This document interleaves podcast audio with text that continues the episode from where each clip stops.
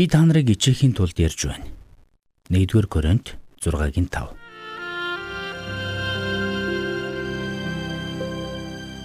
Мэргэний сонсог, мэдлэгийн тэлэг.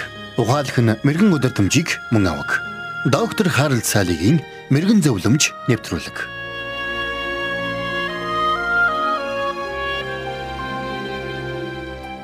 Хизээ нэгэн цагт та өөрөөсөө миний дотор дандаа яагаад ийм мэдрэмж төрж байдаг юм бол хэмээн асууж байсан уу? Зарим тохиолдолд бид энэ асуултандаа хариулт өгч чаддаг бол ихэнх тохиолдолд бид өөрсдийн дотор байнга төрдөг тодорхой нэг мэдрэмж, сэтгэл хөдлөлүүдийн цаад шалтгааныг нь хэлж мэддэггүй. Бид буруу зүйл хийсэн бол түүнээсээ болоод буруутгалыг мэдэрдэг. Энэ бол бидний мэс чанар бидний дотроос сануулж чи зөв гэж итгэдэг зүйлээ зөрчлөө шүү хэмээн хэлж буй хэрэг юм.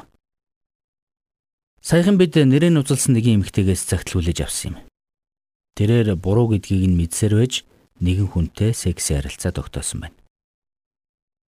Хэдийгээр энэ нь буруу гэдгийг тэр мэдэж байгаа ч энэ харилцаагаа зогсоож чадахгүй байгаагаа тэр учирлан тайлбарлсан байв. Хэдийгээр тэр энэ үйлдэлээсээ болоод өөрийгөө буруутгаж байгаагаа тэр битсэн байсан ч загтлынхаа доор нэрээ бичлгүй нууцлсан байсан нь түүний дотор ичгүүрийн мэдрэмж байгааг нь илэрэл юм. Тэр өөрийнхөө төлөө залбирж өгөхийг надаас хүссэн ч эцсэн учраас нэрээ нууцлсан байсан. Энэ бол байж болох асуудал. Сэтгэл судлаачид ичгүүрийг тодорхойлохдоо ичгүүр нь өөрийгөө ямар нэгэн засаршгүй согогдох хүн гэдэгт итгэх алдаатай итгэл үнэмшил хэмээн тодорхойлсон байдаг. Мэдээж алдаа гаргасан хүн ичиж зовх нь зүүн хэрэг. Харин ямар ч алдаа гаргаагүй атлаа өөрийгөө голж өөрөөсөө ичнэ гэдэг маш зовлонтой мэдрэмж юм. Гэхдээ бид ичгүүрийг тэр чигээрээ буруу муу гэж үзэх нь өрөөсгөл. Учир нь бидний буруу үйлдэлийн үр дүнд ичгүүр төрөх боломжтой юм. Тэр утгаараа ичгүүр нь зөв бурууг мэдрэх бидний мэдрэмжтэй холбоотой. Тиймээс буруу хэрэг хийгээгүй байхдаа ичгүүрийг мэдрэх нь бурууч буруу хэрэг хийсэн атлаа ичид зоохгүй байх нь бас буруу юм. Хэрвээ бид Библийн конкорданс гаргаад ичгүр гэдэг үгийг хайх юм бол энэ үг Библиэд 100 гаруй удаа давтагдсан болохыг олж мэдэх болно. Ингэхдээ бурханд итгэгч нь ичгэвтер байдалд орохгүй гэдгийг Библиэд тодорхой өгүүлсэн байдаг. Исея номонд бичигдсэн энэ үгийг шинэ гэрээнд 3 ч удаа давтан хэлсэн байдаг. Христэд итгэгчид бид Бурхнаар гим нүглээ уучлуулсан учраас Бурхны оршихуйд ямар ч ичгүүргүйгээр зогсох боломжтой гэдгийг Илч Петр, Паул нарын аль аль нь батлан хэлсэн байдаг. Энгийнээр хэлбэл Есүс Христ бидний гим нүглийн төлөөсөө төлсөн учраас бидэнд ямар ч ичгүүр байхгүй юм. Сонирхолтой нь Христэд итгэгчдийг Библиэд зөвтгөж тайвшруулсан байдаг бол буруу гүйлдэгчдийг буруутган зэмлсэн байдаг. Иш үзүүлэгч Ирмия тухайн цаг үеийнхээ хүмүүсийг энэ нутгийг садарлалаараа бас хилэнцэд явдлаараа бузартуулв.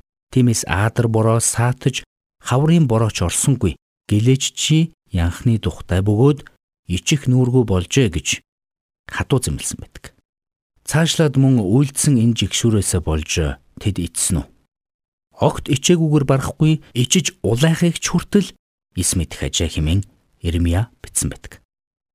Коринтын итгэгчдэд хандан бичсэн загталтаа Илж Паул буруу зөвийг ялгаж чадахгүй байгааг нь зэмлэхдээ би та нарыг ичээхийн тулд ярьж байна гэж хэлсэн байдаг. Дээр хэлсэнчлэн бид ичгүүр гэдэг ойлголтыг тэр чигээр нь муу гэж үзэж болохгүй юм. Харин энэ ойлголтыг амьдралынхаа зөв хэсэгт авчрах хэрэгтэй.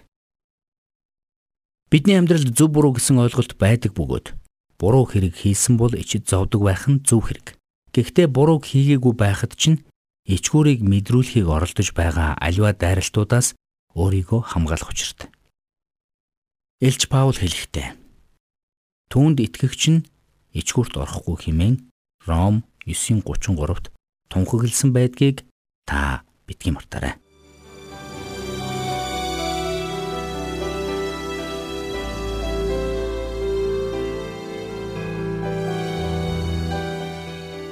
Мэргэн нэгнийг дагвал мэргэн, мулгуутай нөхөрлөл хорлол.